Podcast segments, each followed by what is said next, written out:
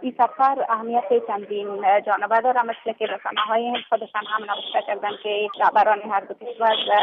مناسبات چندین جانبه را ارزیابی می‌کنن اول ای که به خاطر که امریکا در ماه آگست اعلان کرده بود که می‌خواهد که نقش عمده را در ثبات و صلح افغانستان داشته باشه.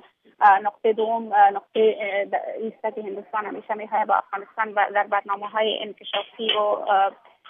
تولیداتی کمک کنه که مثل که شاید شما هم آقا باشین که در ماه سپتامبر اینجا یک برنامه نمایشگاه تجارتی بود و همچنان دکتر عبدالله تشریف آوردن و صحبت کردن و تقریبش وزیر خارجه افغانستان آمدن از خواهان حکومت های هندوستان برای افغانستان شدن در پلوی از او جهت های مختلف دیگه هم هستن که هندوستان همیشه با افغانستان همکار بوده از خاطر این سفر چندین جهت در بر به این باور هستند که علاوه بر های اقتصادی که هند او در افغانستان کمک می‌کنه هندوستان در زمینه همکاری های نظامی و سیاسی بسیار محتاطانه عمل کرده تا هنوز. فکر می‌کنین که در این عرصه ها هم بتونه نقش فالتری داشته باشه؟ تا جایی که دیده میشه تقاضای قبلی که امریکا از هندوستان کرده بود که در افغانستان تنها حکومت های آموزش برای نظامیان افغانستان بشه بلکه سرباز هم بشه که در صورت وزیر دفاع هندوستان جدا منع کرده بود که یک سرباز ما هم اجازه نداره. یعنی اجازه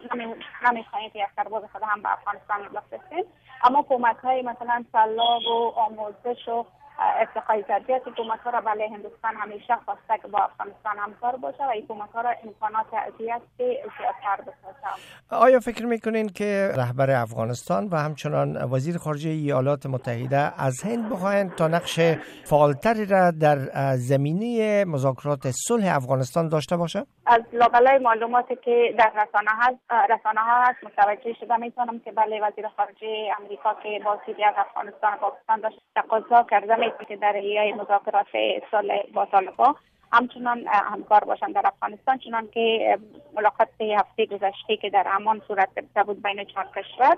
در او هم از جمله چین و روسیه نه تنها آمریکا بلکه چین و روسیه هم علاقمند است که باید هندوستان دخیل باشد در تمام همین موضوعات. در آجندای سفر کاری رئیس جمهور افغانستان به هند چی ملاقات ها دیگه گنجانده شده؟ این سفر سفری است که آقای غنی ملاقات هایی داشتن با رئیس جمهور هندوستان وزیر خارجه هندوستان همچنان کردم صحبت هایی داشتن در مورد همکاری های هند و همکاری هند و افغانستان و همچنان پروژه های انکشافی را که هندوستان تصمیم داره که به افغانستان بشه و پروژه کمک های آموزشی تحصیلات و ارتقای ظرفیت از هندوستان وعده داده که برای پنج سال دیگه هم میره تمدید می‌کنه. یعنی از سال 2007 تا 2022 همین بورس های تحصیلی که برای مسئولین افغان تهیه می‌شد و آموزش های ارتقای ظرفیت داده می‌شد برای پنج سال دیگه ادامه خواهد داشت. و همچنان یک شانزده پروژه دیگه درباره پارک فراخت آب آشامیدنی در کابل بخش آبرسانی در شهر چاریکار بعد پروژه های زراعتی در مزار به این مورد هم صحبت های صورت گرفته که هندوستان است کمک کنم. همچنان سه بیلیون دلاری که تا فعلا هندوستان و افغانستان کمک های انجام داده که در آینده هم این علاقمند است که همیشه در پلوی افغانستان باشد تا اینکه افغانستان یک کشور آرام و پیشرفته باشه